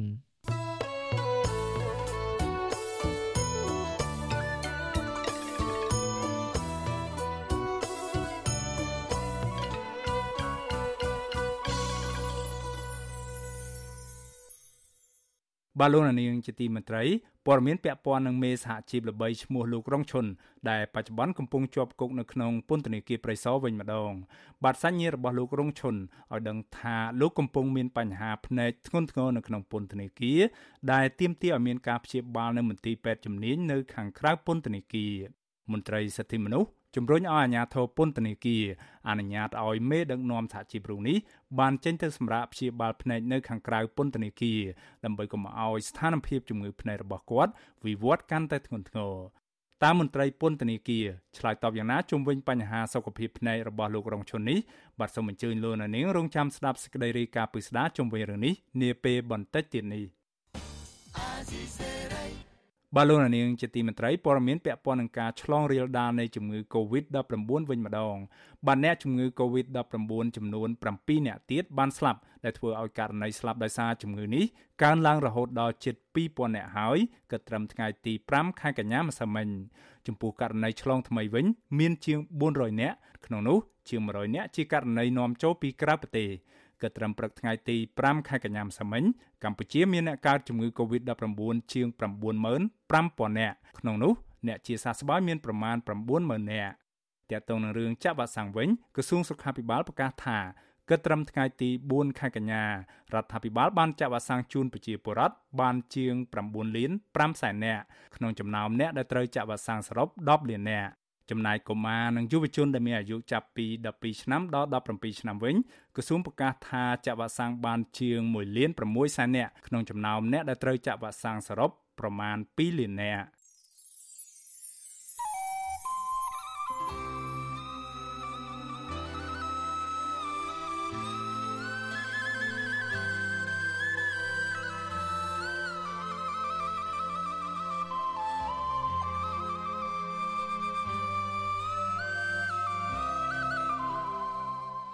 បបាទលោកនាងជាទីមេត្រីលោកនាងកំពុងស្ដាប់កម្មវិធីផ្សាយរបស់ Visual Asia ស្រីផ្សាយចេញពីរដ្ឋធានី Washington សហរដ្ឋអាមេរិកបាទពលរដ្ឋមានចំនួនដីធ្លីម្នាក់ដែលជាប់ឃុំនៅក្នុងពន្ធនាគារខេត្តកណ្ដាលបានស្លាប់ក្រោយពីមន្ត្រីពន្ធនាគារបញ្ជូនទៅសង្គ្រោះនៅឯមន្ទីរពេទ្យជ័យជំនះក្រុងតាខ្មៅគ្រួសារសពខកចិត្តជាខ្លាំងចំពោះអាញាធរដែលយឺតយ៉ាវនៅក្នុងការបញ្ជូនទៅព្យាបាលនិងមិនព្រមផ្ដល់ដំណឹងជុំវិញស្ថានភាពអ្នកជាប់ឃុំនៅក្នុងអំឡុងពេលឈឺនៅក្នុងពន្ធនាគារ មន្ត្រីសង្គមស៊ីវិលយល់ថាប៉ះសិនបើមន្ត្រីពន្ធនាគារបណ្ដេតបណ្ដោយឲ្យអ្នកជាប់ឃុំធ្លាក់ខ្លួនឈឺធ្ងន់ហើយទៅបញ្ជូនគាត់ទៅព្យាបាលយឺតយ៉ាងនោះនោះគឺជាការរំលោភសិទ្ធិជនជាប់ឃុំពលរដ្ឋម្នាក់ដែលជាប់ពន្ធនាគារដោយសារតវ៉ារឿងដីធ្លីនៅខេត្តកណ្ដាលគឺលោកប៊ុនច័ន្ទសិទ្ធអាយុ34ឆ្នាំបានស្លាប់នៅមន្ទីរពេទ្យជ័យជំនះក្រុងតាខ្មៅនៅថ្ងៃទី4ខែកញ្ញា បន្ទាប់ពីដឹកចេញពីពន្ធនាគារខេត្តហើយអាជ្ញាធរអះអាងថាលោកស្លាប់ដោយសារជំងឺបេះដូងប្រពន្ធរបស់សពលោកប៊ុនច័ន្ទសិទ្ធគឺលោកស្រីសុកសុផារៀបរាប់ប្រាវិសុវស៊ីស្រីនៅថ្ងៃទី5ខែកញ្ញាថារយៈពេល2ខែមកហើយដែលប្តីលោកស្រីជាប់ពន្ធនាគារដោយអយុត្តិធម៌ពាក់ព័ន្ធនឹងរឿងទៀមទារោគដំណោះស្រាយបញ្ហាដីធ្លីជាមួយបុគ្គលឯកជនដែលមិនស្គាល់អត្តសញ្ញាណស្ត្រីវ័យ35ឆ្នាំរូបនេះបន្តថាកន្លងមក លោកស្រីតែងតែព្រួយបារម្ភពីសុខភាពប្តីនិងបានស្នើឲ្យមន្ត្រីពន្ធនាគារអនុញ្ញាតឲ្យប្តីលោកស្រីចេញទៅព្យាបាលជំងឺខាងក្រៅពន្ធនាគារពីព្រោះប្តីលោកស្រីមានជំងឺប្រចាំកាយក៏ប៉ុន្តែលោកស្រីថាមន្ត្រីទាំងនោះបានបដិសេធដោយលើកយកហេតុផលថាខាងពន្ធនាគារមានគ្រូពេទ្យពិនិត្យជំងឺហើយលោកស្រីខកចិត្តជាខ្លាំងចំពោះអាញាធរដែលធ្វើប្រហែសធ្វើឲ្យអាការៈជំងឺប្តីលោកស្រីឈានដល់កម្រិតធ្ងន់ធ្ងរមិនអាចសង្គ្រោះបានទាន់ពេលវេលា ហើយជាពិសេសអាជ្ញាធរមិនបានផ្ដល់ដំណឹងឬតាក់ទងមកក្រុមគ្រួសារលោកស្រីឲ្យបានដឹងអំពីស្ថានភាពទាំងនោះទេលោកស្រីឲ្យដឹងទៀតថារហូតដល់ប្តីស្លាប់ ទើបអាជ្ញាធរតាក់ទងមកក្រុមគ្រួសារឲ្យទៅយកសពមកធ្វើបុណ្យពួកដីម្ដុំដែលប្តីខ្ញុំទៅតវ៉ាហ្នឹងគេយកបាត់ហើយឥឡូវឥឡូវនៅសល់ដីពូម្ដុំទៀតខ្ញុំខ្លាចតែខ្ញុំគ្មានសមត្ថភាពគេយកម្ដុំនឹងបាត់ទៀតខ្ញុំមិនដឹងបានអីចំកូនទេព្រោះថ្ងៃជំនួគូសារពឹងលើប្តីគាត់ជាប់ពន្ធនាពីរខែខ្ញុំថានៅពេលដែលគាត់ចេញមកយើងបានទូមួយញ៉ៃគាត់ហៅលុយបងស ងតែឥឡូវគាត់ទៅរហូតបានមិនដែរជួយជុំកូនបានមិនដែរជួយបងនាងគេអើយនេះវាទុកយល់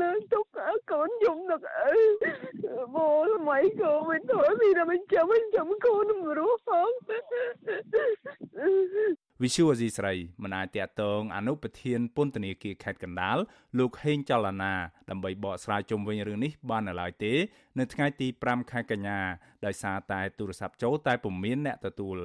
ជុំវិញរឿងនេះអភិបាលខេត្តកណ្ដាលលោកគង់សុភ័ណ្ឌថ្លែងថាលោកប៊ុនច័ន្ទសិទ្ធបានស្លាប់ដោយសារជំងឺបេះដូងដែលមិនពាក់ព័ន្ធនឹងជំងឺ Covid-19 នោះទេព្រោះលោកថាមន្ត្រីសុខាភិបាល បានធ្វើតេស្តរោគសំណាក2ដងហើយលទ្ធផលបង្ហាញថាគាត់មិនកើតជំងឺនេះទេលោកថាអាញាធរពុំធ្លាប់ដឹងប្រវត្តិអ្នកជំងឺពីមុនទេទោះជាយ៉ាងណាគ្រូពេទ្យនិងមន្ត្រីពន្ធនាគារខេត្ត បានព្យាយាមយកចិត្តទុកដាក់និងជួយសង្គ្រោះគាត់ដោយត្រឹមត្រូវហើយលោកសោកស្ដាយចំពោះរឿងនេះក៏ប៉ុន្តែអាជ្ញាធរខេត្តនិងស្រុកបានជួយឧបត្ថម្ភថវិកាមួយចំនួនដល់គ្រួសារសពលោកបញ្ជាក់ថាអាជ្ញាធរខេត្តនឹងពិនិត្យមើលករណីជនជាប់ឃុំដោយសារចំនួនដីធ្លីពីរនាក់ទៀតជាមួយតុលាការដើម្បីដោះលែងពួកគេប៉ះសិនបើពួកគេបញ្ឈប់ការតវ៉ា ពន្ធនាគារខេត្តកណ្ដាលប្រធានពន្ធនាគារក្តីអ្នកការពារក៏មានគូពេទ្យបឋមលើនឹងដែរព្រោះគេយកចិត្តទុកដាក់ដែរបាទមិនដែលមានបញ្ហាអីដែរទេទន្ទឹមនឹងគាត់គាត់មិនស្រួលខ្លួនភ្លាមយើងក៏បញ្ជូនមកពេទ្យខេត្តនិមិត្តមើលយើងក៏បានខិតខំជួយគាត់ដែរអាចជួយបានដោយសារអាការៈគាត់ជាធ្ងន់ធ្ងរគាត់ក៏គ្រោះថ្នាក់នឹងមានការសោកស្ដាយជាខ្លាំង ចំណែកប្រពន្ធរបស់ពលរដ្ឋមានតំណោះដីធ្លីដែលកំពុងជាប់ឃុំម្នាក់ទៀតលោកផៃថៃគឺលោកស្រីហុកគុន្ធាប្រាប់ថាលោកស្រីព្រួយបារម្ភសុខទុក្ខប្តីដែរបន្ទាប់ពីទទួលដំណឹងថាអ្នកជាប់ឃុំជាមួយប្តីបានស្លាប់ស្ត្រីរូបនេះឲ្យដឹងថាសុខភាពប្តីលោកស្រី មានជំងឺស្ពឹកមានជំងឺលើសឈាមជំងឺក្រពះជំងឺថ្លើមដែលធ្វើឲ្យរាងកាយគាត់ស្គមស្គាំងនិងទ្រុឌទ្រោមហើយដេកឈឺជុកចាប់ស្ទើររាល់ថ្ងៃ លោកស្រីស្នើដល់អាជ្ញាធរខេត្តនិងតុលាការឲ្យទម្លាក់ចោលការចោទប្រកាន់និងដោះលែងប្តីលោកស្រីឲ្យមានសេរីភាពឡើងវិញដើម្បីទទួលបានការថែទាំពីគ្រួសារដូចថាគាត់ខ្សោយអស់ហើយដល់ពេលគាត់ទៅជាប់ចឹងទៀតគាត់រត់ធ្ងន់នៃដៃគាត់ឲ្យញ័រទៅព្រឹកហ្នឹងកុំអស់សាច់លីងតែខ្ញុំសូមឲ្យទៅថាបានឡាការគាត់ឆ្នាក់សូមបើប្អូនគាត់ឆ្លាប់មួយសូមឲ្យដោះលែងបងប្រវិចមិនហើយគាត់មិនដឹងទីតក់គាត់យ៉ាងម៉េចព្រោះឲ្យគាត់ប្អូនទៅដូនមួយគាត់ប្រកែកផ្ទះជាប់គ្នាស្លាប់ពីរដុកហើយអោសឲ្យខ្លាំង សមាជិកខេត្តកណ្ដាលបានចាប់ខ្លួនពលរដ្ឋមានបញ្ហាដីធ្លី គឺលោកផៃថៃវ័យ55ឆ្នាំ លោកកឹមបរិន និងលោកប៊ុនច័ន្ទសិទ្ធវ័យ34ឆ្នាំ កាលពីថ្ងៃទី2ខែកក្កដាពាក់ព័ន្ធនឹងបញ្ហាដីធ្លីមួយកន្លែងនៅស្រុកស្អាង បន្ទាប់ពីពួកគាត់បានចេញមុខការពីដីស្រែរបស់ពលរដ្ឋដែលមានទំហំសរុប175ហិកតា កាលពីចុងខែមិថុនាកន្លងទៅ ដែលមានមេឈ្មួញមិនស្គាល់អត្តសញ្ញាណបានរំលោភយកដីទាំងនោះ ចៅក្រមស៊ើបសួរនៃសាលាដំបងខេត្តកណ្ដាលលោកជាសុខៀងសម្រាប់ឃុំខ្លួនដាក់ពន្ធនាគារពលរដ្ឋ3នាក់នេះក្រោមបទចោទតាមក្រមព្រហ្មទណ្ឌតែមួយគឺបទញុះញង់បង្កឲ្យមានភាពវឹកវរធ្ងន់ធ្ងរដល់សន្តិសុខសង្គមដែលប្រព្រឹត្តនៅចំណុចអូសន្ធិភូមិលេខ4ឃុំប្រាសាទស្រុកស្អាងខេត្តកណ្ដាលកាលពីដើមខែកក្កដានាយករងទទួលបន្ទុកផ្នែកឃ្លាំមើលសិទ្ធិមនុស្សនៃអង្គការលីកាដូលោកអំសមាត សោកស្ដាយចំពោះករណីស្លាប់អ្នកជាប់ឃុំ ដែលជាពលរដ្ឋមានបញ្ហាដីធ្លីនេះលោកបន្តថាអ្នកជាប់ឃុំ មានសិទ្ធិទទួលបានសេវាសុខភាពដោយពលរដ្ឋធម្មតាដែរដោយគ្មាននរណាដកហូតសិទ្ធិនេះបានទេលោកថាប៉ះសិនបាអាញាធរបណ្ដេតបណ្ដោយឲ្យអ្នកជាប់ឃុំធ្លាក់ខ្លួនឈឺធ្ងន់ធ្ងរនៅក្នុងពន្ធនាគារហើយទើបបញ្ជូនទៅព្យាបាលនោះគឺជាការបំពានសិទ្ធិទទួលបានសេវាសុខភាពរបស់អ្នកជាប់ឃុំលោកសង្កេតឃើញថាបច្ចុប្បន្ន ប៉ុស្តិ៍សុខភាពនៅតាមពន្ធនាគារនៅមានកម្រិតនៅឡើយដែលមិនអាចបំពេញតម្រូវការជាក់ស្ដែងបានទេ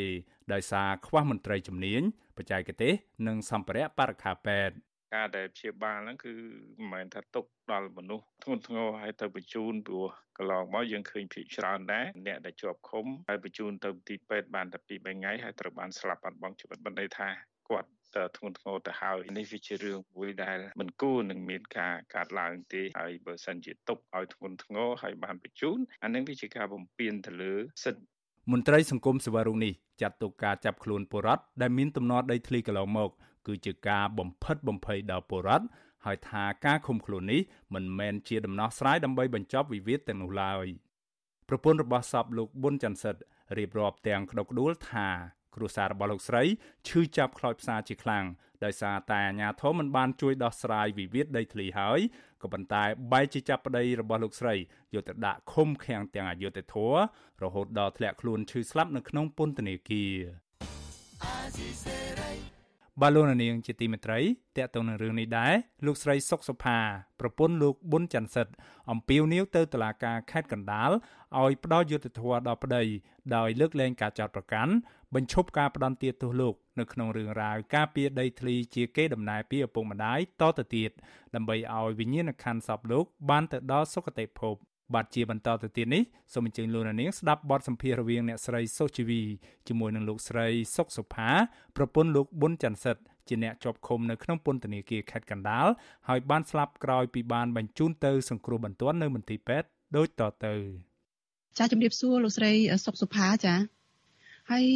តើរឿងរ៉ាវនឹងយ៉ាងម៉េចបានជាទៅដល់ធ្ងន់ធ្ងររហូតដល់គាត់ស្លាប់នៅពេលនេះអញ្ចឹងចា ប្តីខ្ញុំតាំងពីចូលពន្ធនាគារហ្នឹងចូលមណ្ឌលសុខភាពហ្នឹងពីរដងហើយអ្នកគ្រូអើយលើកនេះនៅពេលដែលគាត់ទេមកគាត់ប្រាប់ថាអាអាអាផាអើយប្តីឯងគេបញ្ជូនទៅមន្ទីរពេទ្យបងឯកអឺជ័យជំនះនៅទីតាខ្មៅឯងទៅមើលប្តីឯងទៅហើយខ្ញុំសួរលោកគ្រូអើយប្តីខ្ញុំជឿអីគាត់ថាឯងទៅទៅយកតាតាមានបានទៅនៅពេលដែលខ្ញុំយកអតាញ្ញាណប័ណ្ណទៅនឹងទៅដល់មាត់ទ្វារពេទ្យពេទ្យថានោះទៅមើលប្តីប្តីបិទភ្នែកបាត់អីខ្ញុំ គឺទៅគុំនៅមុខពេទ្យហ្នឹងតែហើយទៅចង់ទៅជួបមុខប្តីក៏មកទៅដេទៅដល់ពីអ្នកកូនទៅមើលទៅដល់ឃើញប្តីស្លាប់បាត់ហើយអូយពេលដែលខ្ញុំដល់ហ្នឹងមានអ្នក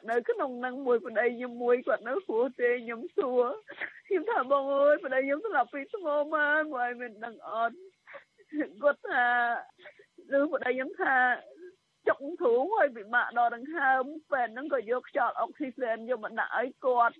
ហើយគាត់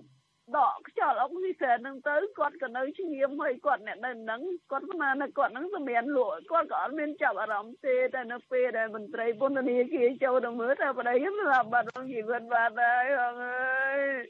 គាត់មានលក់ដែរតែនៅពេលដែលមន្ត្រីពន្ធនាគារហ្នឹងគាត់ថាប្តីខ្ញុំស្លាប់ម៉ោង5ជាភ្លើងថ្ងៃ4 ទេទៅដល់ហ្នឹងគេអត់ទាន់ឲ្យយើងធ្វើអីទេគេគាត់ទៅបើកឲ្យយើងឃើញគេថាកុំទាន់អើប៉ាពួរប្តី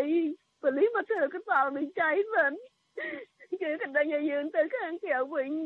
គេក៏បិទវាឲ្យយើងនៅយើងចាំគេធ្វើកសលនឹងចៃមិនគេធ្វើកូវីដជាគាត់មកសាហើយប៉លីមកធ្វើកសលនឹងចៃខ្លួនប្រានគាត់មកសាទៀត ហើយបានគេបើកឲ្យយើងចូលមើលគាត់មកតាទៀតឲ្យយើងជូតខ្លួនជូតអីហើយឲ្យយើងទៅធ្វើតំណឯកសារឲ្យយើងចេញចេះយល់យល់ថាសមមកធ្វើបនបានសុផាឃើញមានកូនតូចនៅក្នុងរូបថតនឹងតើមានកូនប្រមាណនេះហើយត្រូវទទួលបន្ទុកចិញ្ចឹមកូននឹងយ៉ាងម៉េចទៅ មានរបងអីពីថ្ងៃនេះទៅ អ្នកគួរខ្ញុំនិយាយគាត់ទេខ្ញុំមានកូនស្រីមួយកូនប្រុសមួយកូនប្រុសអាយុ11ឆ្នាំកូនស្រីអាយុ4ឆ្នាំរាល់ថ្ងៃខ្ញុំមានមុខរបរលក់ដឹងបើនិងលក់បន្លែតិចតួចតែនៅពេលដែលប្តីខ្ញុំនៅរស់គាត់បានខ្ចីលុយអង្គការលុយធនាគារយកមកមើលថែថែជំងឺគាត់ហើយរកស៊ីបន្តិចបន្តួចនៅពេលដែលគេចាប់គាត់ទៅ មុខរបររស់ស៊ីគាត់លក់ដូរទឹកសុទ្ធទឹកអីគាត់កម្មករទឹកសុទ្ធហ្នឹងក៏គេគេគេគេលែងយកគេលែងអីក៏ក៏លែងមានប្រាក់ចំណូលចូលហើយខ្ញុំត្រូវទទួលបន្ទុកចិញ្ចឹមកូនពីរនៅបង់ធនាគារអស់រយៈពេល2ថ្ងៃនឹងខ្ញុំសង្ឃឹមថា គេហៅប្តីខ្ញុំកាត់ក្តីហើយប្តីខ្ញុំនឹងបានរួចទោះដើម្បីចេញមករកស៊ីសងបំណុលគេទៀតតែម៉ែខ្ញុំមិនបានចេញមកប្តីខ្ញុំបានស្លាប់ក្នុងតែស្លាប់ក្នុងទីពេទ្យខ្ញុំដឹងគិតទៅខាងណាទៀតទេណាគ្រូអើយសុផាចុះរឿងរ៉ាវចំនួនដីធ្លីនឹងយ៉ាងម៉េចចាពេលនេះតើអាចបានដីដែលប្តីខំការពារខំតវ៉ានឹងទេមើលទៅ ខ្ញុំអត់ដឹងទេបងអើយព្រោះខ្ញុំគឺជាកូនភាសាហើយដីនឹងមកតាមខ្ញុំការចាប់ដៃជាមួយគាត់មកគឺវា10ឆ្នាំជាងហើយតែខ្ញុំឃើញតែគាត់ថាដីនឹងបោះគាត់ដីនឹងបោះគាត់គាត់តែងទៅកាន់កាប់រាល់ឆ្នាំគាត់តែងទៅកាប់ស្មៅកាប់អីតែគាត់បានទៅប្រមូលផលទេខ្ញុំឃើញតែគាត់ចុះទៅកាប់ស្មៅបងប្អូនថ្លៃខ្ញុំទៅប្រហែលទៅចុះទៅកាប់តែមិនដឹងមករយៈហ្នឹងប្រហែលជា4 5ឆ្នាំក្រោយមកឬថាបទ្រុះបត្រាខ្លាំងណាស់ ឲ្យទៅពេលមានគេអត្រាចុះទៅឈូសឆាយដីហ្នឹងប្រជាជនដែលមានដីនៅក្នុងហ្នឹងទេប្រហែលនាំគ្នាទៅពាំងនាំគ្នាទៅការពារដីអត់ឲ្យអត្រាឈូសឆាយលើដីចការបស់គាត់ទេព្រោះគាត់ថាដីយ៉ាងដីរបស់គាត់រឿងហេតុអីមើលឈូសឆាយដំណាំផលប្រយោជន៍របស់គាត់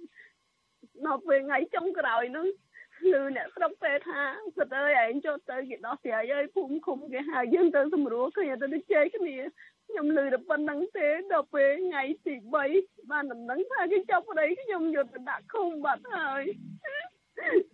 ខ្ញុំស្មានតែគេនឹងគាត់ណាយើងទៅណែនាំទៅបងអើយដល់ពេលថ្ងៃច័ន្ទខ្ញុំទៅជួបគេគេថាគេ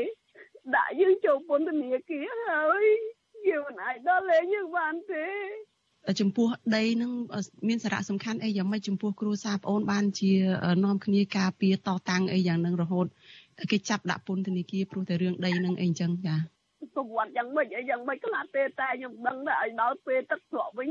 ប្តីខ្ញុំតែងតែនាំគ្នាទៅកាប់ឆ្កាព្រៃហ្នឹងឲ្យដើម្បីកុំឲ្យមានរឹសធំធំវាវាវាកើតឡើងនៅលើដីហ្នឹងរំយើងពិបាកកោះឬនៅពេលដែលយើងធ្វើដំណាំធ្វើអីទៅចំណាយអត់ដើមទុនច្រើនហើយព្រោះតែដីហ្នឹងធ្វើឲ្យប្តីខ្ញុំស្លាប់ណាស់គឺអើយទុកកូនពីរមិននៅពេញខ្លួនហើយ សុផាជពាក់បំណុលគេប្រមាណទៅ ពេលនេះហើយតាមមើលអាចនឹងមានមធ្យោបាយដោះស្រាយបំណុលនឹងទេបំណុលពីធនាគារប្តីខ្ញុំសុខភាពនឹងទៅល្អហើយគាត់ប្រាប់ថាគាត់ខ្ចីយកមកទិញរបស់រស់ស៊ីខ្លះនឹងមើលខ្លួនខ្លះដល់ពេលយើងខ្ចីហើយយើងសងបានគេបានខ្លះខ្លះហើយអ្នកគួយការដែលប្តីខ្ញុំខ្ចីគឺ5000ដុល្លារ ដោយសារយើងការហើយមានដីនៅភូមិនឹងម្ដុំគេយើងឃើញយើងមានសំអាងគេក៏ឲ្យយើងខ្ចីគាត់ថាគាត់គឺជាមេគ្រួសារគាត់នៅរករ៉ាប់រងគេក៏ប្រឌិតមេដៃប្រឌិតអេយើងខ្ចីឥឡូវមេគ្រួសារស្លាប់បាត់ហើយបងអើយខ្ញុំមិនដឹងដល់ស្រាយយ៉ាងម៉េចទេខ្ញុំខ្លាចតែខ្ញុំគ្មានលុយបង់ធនាគារគេយកដីម្ដុំទៀតដីម្ដុំធ្វើឲ្យប្តីខ្ញុំស្លាប់បាត់ហើយឥឡូវដីម្ដុំធ្វើឲ្យខ្ញុំស្លាប់ទៀតមិនដឹងយ៉ាងម៉េចទេ សុផាមានការអំពាវនាវអីយ៉ាងម៉េចចំពោះអាជ្ញាធរដែលជាប់ពាក់ព័ន្ធនៅក្នុងរឿងនេះជាពិសេសអ្នកដែលបានចាប់ឃុំខ្លួនគាត់អ្នកដែលបានបណ្ដេតបណ្ដោយឬក៏មិនបានព្យាបាលគាត់ឲ្យបានត្រឹមត្រូវរហូតដល់គាត់ស្លាប់នៅពេលនេះចា៎ ខ្ញុំអត់ដឹងពេលវេលាអីទេបងអើយព្រោះខ្ញុំក៏អត់ដឹងថាក្នុងនឹងមានបញ្ហាអីកើតឡើងឬក៏វាមានអីកើតឡើងទេតែខ្ញុំគ្រាន់តែដឹងថាឥឡូវនេះប្តីខ្ញុំស្លាប់បាត់បំណងលាក់មកលើខ្ញុំស្រីដីដែលពិតជារបស់យើងតាំងពីឪក្មេងចាំចាប់តាំងពីចំនួនមុនឥឡូវក៏បាត់បង់ខ្ញុំអត់ដឹងពេលវេលាសុំអីទេបងអើយ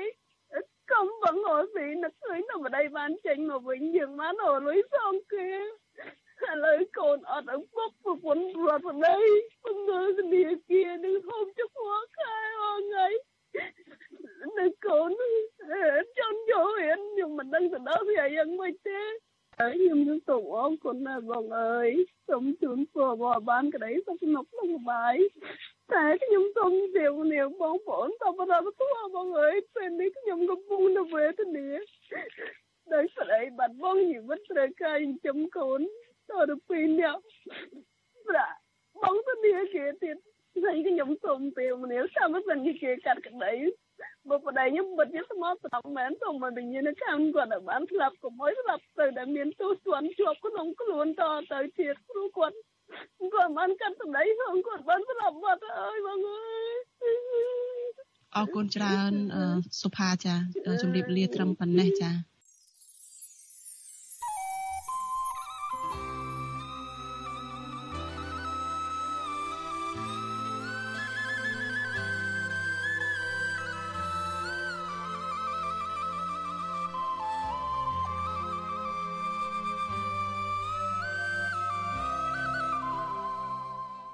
បាទលោកនាងជាទីមេត្រីលោកនាងកំពុងស្ដាប់កម្មវិធីផ្សាយរបស់ Visual Asia សេរីផ្សាយចេញពីរដ្ឋធានី Washington សហរដ្ឋអាមេរិក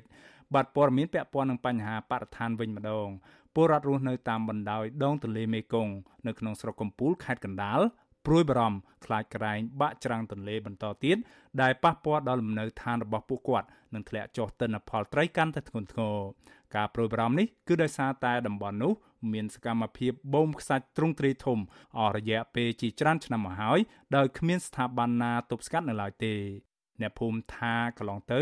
មានផ្ទះពលរដ្ឋជាច្រើនខ្នងបានបាក់ស្រុតចូលទន្លេដោយគ្មានការផ្ដល់សំណងអ្វីទាំងអស់បាទសូមជើញលោកនាងរងចាំស្ដាប់នឹងទស្សនាសេចក្តីរាយការណ៍នេះនិងបទសម្ភាសន៍រវាងលោកសេកបណ្ឌិតជាមួយនឹងស្ថាបនិកនៃអង្គការមេដាធម្មជាតិ លោក Alejandro Gonzalez Davidson ជុំវិញបញ្ហាផលប៉ះពាល់នៃអាជីវកម្មបូមខ្សាច់នៅក្នុងកម្មវិធីផ្សាយរបស់យើងនាយប់នេះកុំបីខាន បាទសូមអរគុណបាទលោកនាងជាទីមេត្រី ដំណើរគ្នានឹងស្ដាប់ការផ្សាយរបស់ Visual Asia ស្រីតាមបណ្ដាញសង្គម Facebook និង YouTube លោកនាងកញ្ញាក៏អាចស្ដាប់កម្មវិធីផ្សាយរបស់ Visual Asia ស្រីតាមរលកធារកាសខ្លីឬ Shortwave តាមកម្រិតនិងកម្ពស់ដូចតទៅនេះបាត់ពេលព្រឹកចាប់ពីម៉ោង5កន្លះដល់ម៉ោង6កន្លះតាមរយៈរលកធារកាសខ្លី9940 kHz ឬស្មើនឹងកម្ពស់ 30m ពេលយប់ចាប់ពីម៉ោង7កន្លះដល់ម៉ោង8កន្លះតាមរយៈរលកធារកាសខ្លី9960 kHz ស្មើនឹងកម្ពស់ 30m និង11240 kHz ស្មើនឹងកម្ពស់ 25m បាទសូមអរគុណ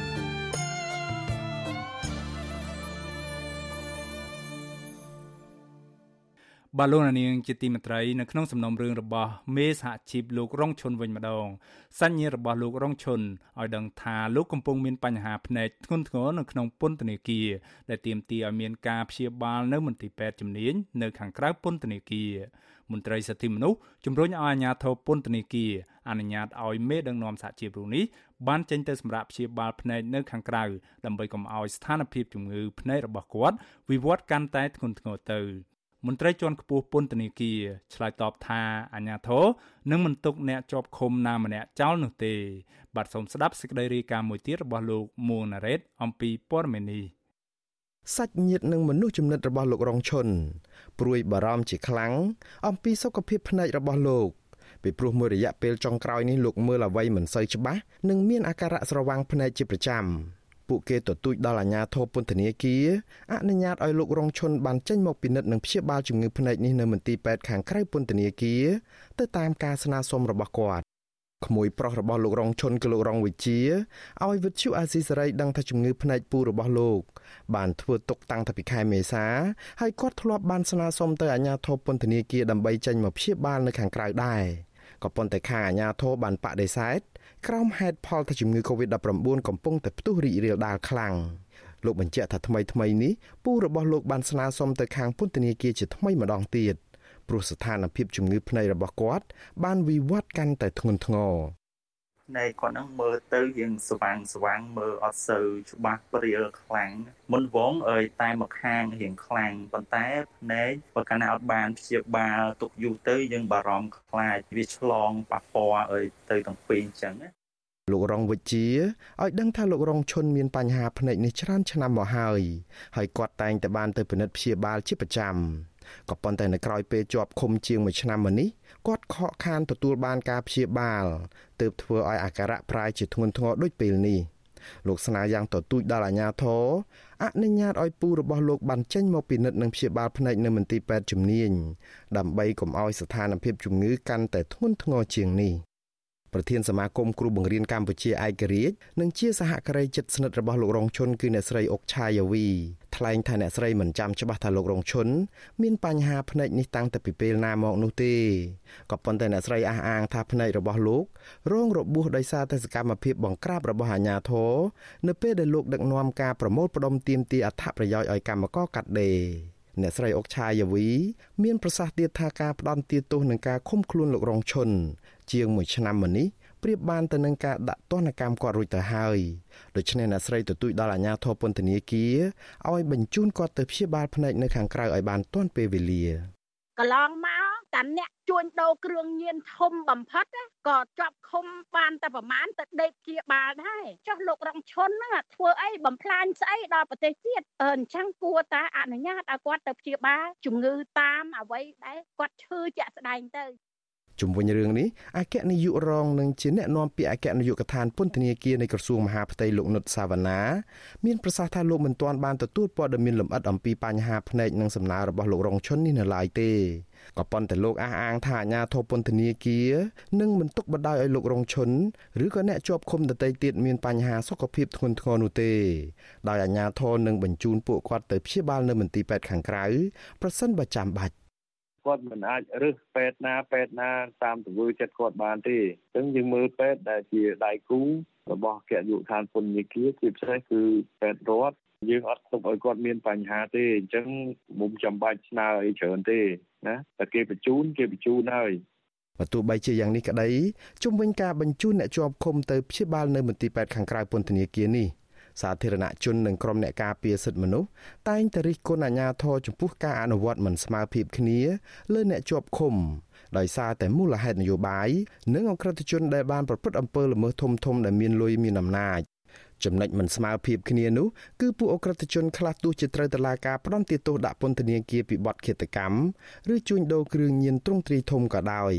ក៏ពួកគេមិនបានជាប់ឃុំនៅក្នុងពន្ធនាគារតាមអំណាចសាលក្រមរបស់តឡាការនោះដែរ។ ជាឧទាហរណ៍អុកញ៉ាថោងសារ៉ាត់ដែលត្រូវបានតឡាការក្រុងភ្នំពេញផ្ដន្ទាទោសដាក់ពន្ធនាគារអស់មួយជីវិតក្នុងរឿងក្តីបាញ់សម្លាប់លោកអុកញ៉ាអឹងមីងជឺកាលពីឆ្នាំ2015នោះបានជាប់ឃុំនៅក្នុងពន្ធនាគារមិនដល់មួយសប្តាហ៍ផងរួចក៏ត្រូវបានគេបញ្ជូនមកស្នាក់នៅបន្ទប់ VIP ក្នុងមន្ទីរពេទ្យខាងក្រៅពន្ធនាគារវិញរហូតទាល់តែសាលាធរសម្រេចដោះលែងឲ្យនៅក្រៅឃុំនៅខែវិច្ឆិកាឆ្នាំ2019 រីឯបងប្រុសបង្កើតរបស់អង្គការគិតមេងគឺលោកគិតធៀងវិញតឡាការក្រុងភ្នំពេញបានកាត់ទោសលោកឲ្យជាប់ពន្ធនាគារ4ឆ្នាំក្នុងករណីជួញដូរគ្រឿងញៀនជិត50គីឡូក្រាមក៏ប៉ុន្តែលោកជាប់ឃុំបានប្រមាណកន្លះខែក៏ត្រូវបានគេបញ្ជូនឲ្យទៅស្នាក់នៅក្នុងបន្ទប់ VIP នៅមន្ទីរពេទ្យខាងក្រៅពន្ធនាគារដែររហូតតតែសាលាធរកាត់តម្រឹមទោសត្រឹម2ឆ្នាំហើយដោះលែងលោកនៅឆ្នាំ2021នេះអង្គការទាំងពីររូបអាចរស់នៅក្រៅពន្ធនាគារបានយូរតាមចិត្ត ដោយសារតែហេតុផលសុខភាពនេះឯងងាកទៅអ្នកជាប់ឃុំនៅក្នុងសំណុំរឿងនយោបាយអ្នកទោសមនសិការវិញបើទោះបីជាពួកគេមានជំងឺធ្ងន់ធ្ង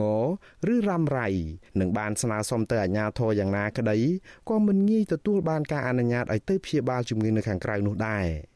ករណីខ្លះពួកគាត់បានស្ពាយជំងឺពីពន្ធនាគារមកវិញនិងបានធ្លាក់ខ្លួនឈឺរ៉ាំរ៉ៃ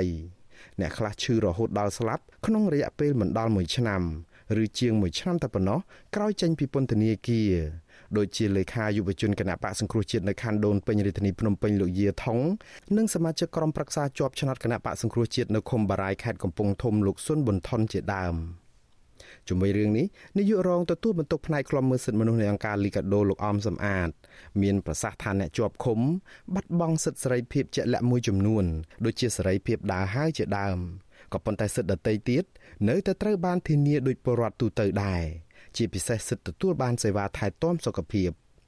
លោកយល់ថាអាញាធរពន្ធនាគារគួរតែអនុញ្ញាតឲ្យលោករងឈុនបានទៅពិនិត្យព្យាបាលនៅមន្ទីរពេទ្យខាងក្រៅពីព្រោះនៅក្នុងពន្ធនាគារមិនមានគ្រូពេទ្យឯកទេសផ្នែកនោះទេបើយើងមិនអនុញ្ញាតឲ្យព្យាបាលហើយទុកទៅបើវិវត្តទៅជាមើលលែងឃើញឬក៏បញ្ហាពិការផ្នែកអានឹងគឺថាអ្នកណាទទួលខុសត្រូវ អ្នកការពារសិទ្ធិមនុស្សនិងជាសកម្មជនព្រំដែនលោករងឈុនបានជាប់ឃុំក្នុងពន្ធនាគារព្រៃសរអស់រយៈពេលជាង1ឆ្នាំមកហើយចាប់តាំងពីចុងខែកក្កដាឆ្នាំ2020មកតឡាការក្រុងភ្នំពេញបានកាត់ទោសលោកឲ្យជាប់ពន្ធនាគារ2ឆ្នាំដែលជាកម្រិតខ្ពស់បំផុតនៃទោសនៅក្នុងបទចោទញុះញង់ឲ្យប្រព្រឹត្តអំពើបង្កឲ្យមានភាពវឹកវរធ្ងន់ធ្ងរដល់សន្តិសុខសង្គម ទន្ទឹមនឹងនេះតឡាការបានបង្គាប់ឲ្យលោកបង់សំណងរួមគ្នាជាមួយនឹងសកម្មជន2នាក់ទៀតសរុបជាទឹកប្រាក់1សែនដុល្លារអាមេរិកទៅដល់ភៀកគីដើមបណ្ដឹងគឺគណៈកម្មាធិការចម្រុះកិច្ចការព្រំដែនដែលដឹកនាំដោយលោកវ៉ាកឹមហុងជាមន្ត្រីជាន់ខ្ពស់គណៈបកប្រជាជនកម្ពុជាការចាប់ខ្លួននិងការផ្ដន់ទាទោសលោករងឈុននេះគឺដោយសារតែលោកបានបញ្ចេញមតិរិះគន់បញ្ហាព្រំដែនកម្ពុជាវៀតណាមដែលជារឿងដ៏រសើបសម្រាប់របបដឹកនាំរបស់លោកហ៊ុនសែន បើទោះបីជាយ៉ាងនេះក្តីការផ្ដន់ទាទោសលើលោករងឈុននេះបាននាំមកនូវការថ្កោលទោសពីគ្រប់មជ្ឈដ្ឋានពីព្រោះវាមានន័យស្មើនឹងការដាក់ទោសលើសេរីភាពបញ្ចេញមតិយ៉ាងដូចនេះដែរសាច់ញាតិនិងមន្ត្រីអង្គការសង្គមស៊ីវិលលើកឡើងថាលោករងឈុនបានលះបង់កម្លាំងកាយចិត្តដើម្បីបបផហេតុសិទ្ធិមនុស្សលទ្ធិប្រជាធិបតេយ្យនិងបូរណភាពទឹកដីអស់រយៈពេលរាប់សិបឆ្នាំមកហើយដូច្នេះរដ្ឋាភិបាលមិនគួរតបស្នងគាត់វិញដោយការដាក់ទណ្ឌកម្មបែបនេះនោះទេ ពួកគេស្នើយ៉ាងទទូចដល់អាជ្ញាធរឲ្យទម្លាក់ចោលបទចោទប្រកាន់និងដោះលែងលោករងឈុនឲ្យមានសេរីភាពវិញដើម្បីគាត់អាចវិលត្រឡប់មកធ្វើការងារជាអ្នកការពារសិទ្ធិមនុស្សនិងផលប្រយោជន៍សម្រាប់ប្រជាពលរដ្ឋខ្មែរបន្តទៅទៀតខ្ញុំបាទមួងណារ៉េត With you Azizari ពីរដ្ឋធានី Washington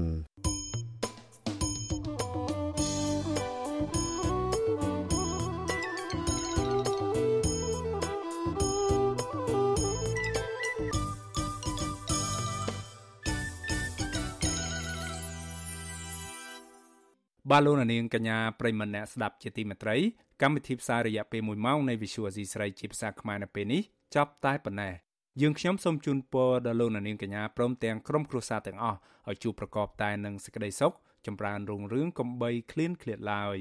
ខ្ញុំបាទមេរិតព្រមទាំងក្រុមការងារទាំងអស់នៃ Visual Asia ស្រីសូមអរគុណនិងសូមជម្រាបលា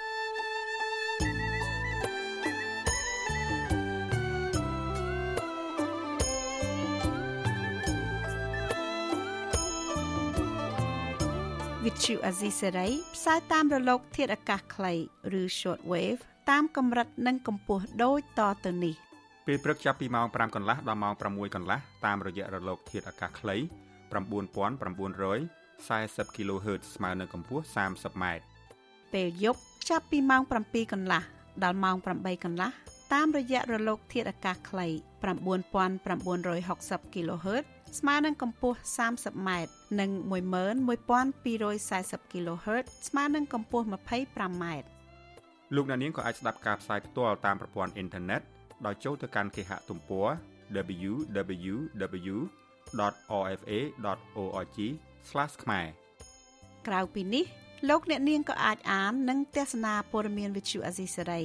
លើទូរស័ព្ទដៃរបស់លោកអ្នកផ្ទាល់ សូមលោកអ្នកនាងចូលទៅកាន់បណ្ដាញសង្គម Facebook ដែលមានអាសយដ្ឋាន www.facebook.com/rfa.cambodia និង YouTube www.youtube.com/rfa ខ្មែរ video សូមលោកអ្នកនាងចុច like និងចុច Subscribe ដើម្បីទទួលបានព័ត៌មានថ្មីៗទាន់ហេតុការណ៍និងទស្សនាវីដេអូផ្សេងៗទៀតបានគ្រប់ពេលវេលា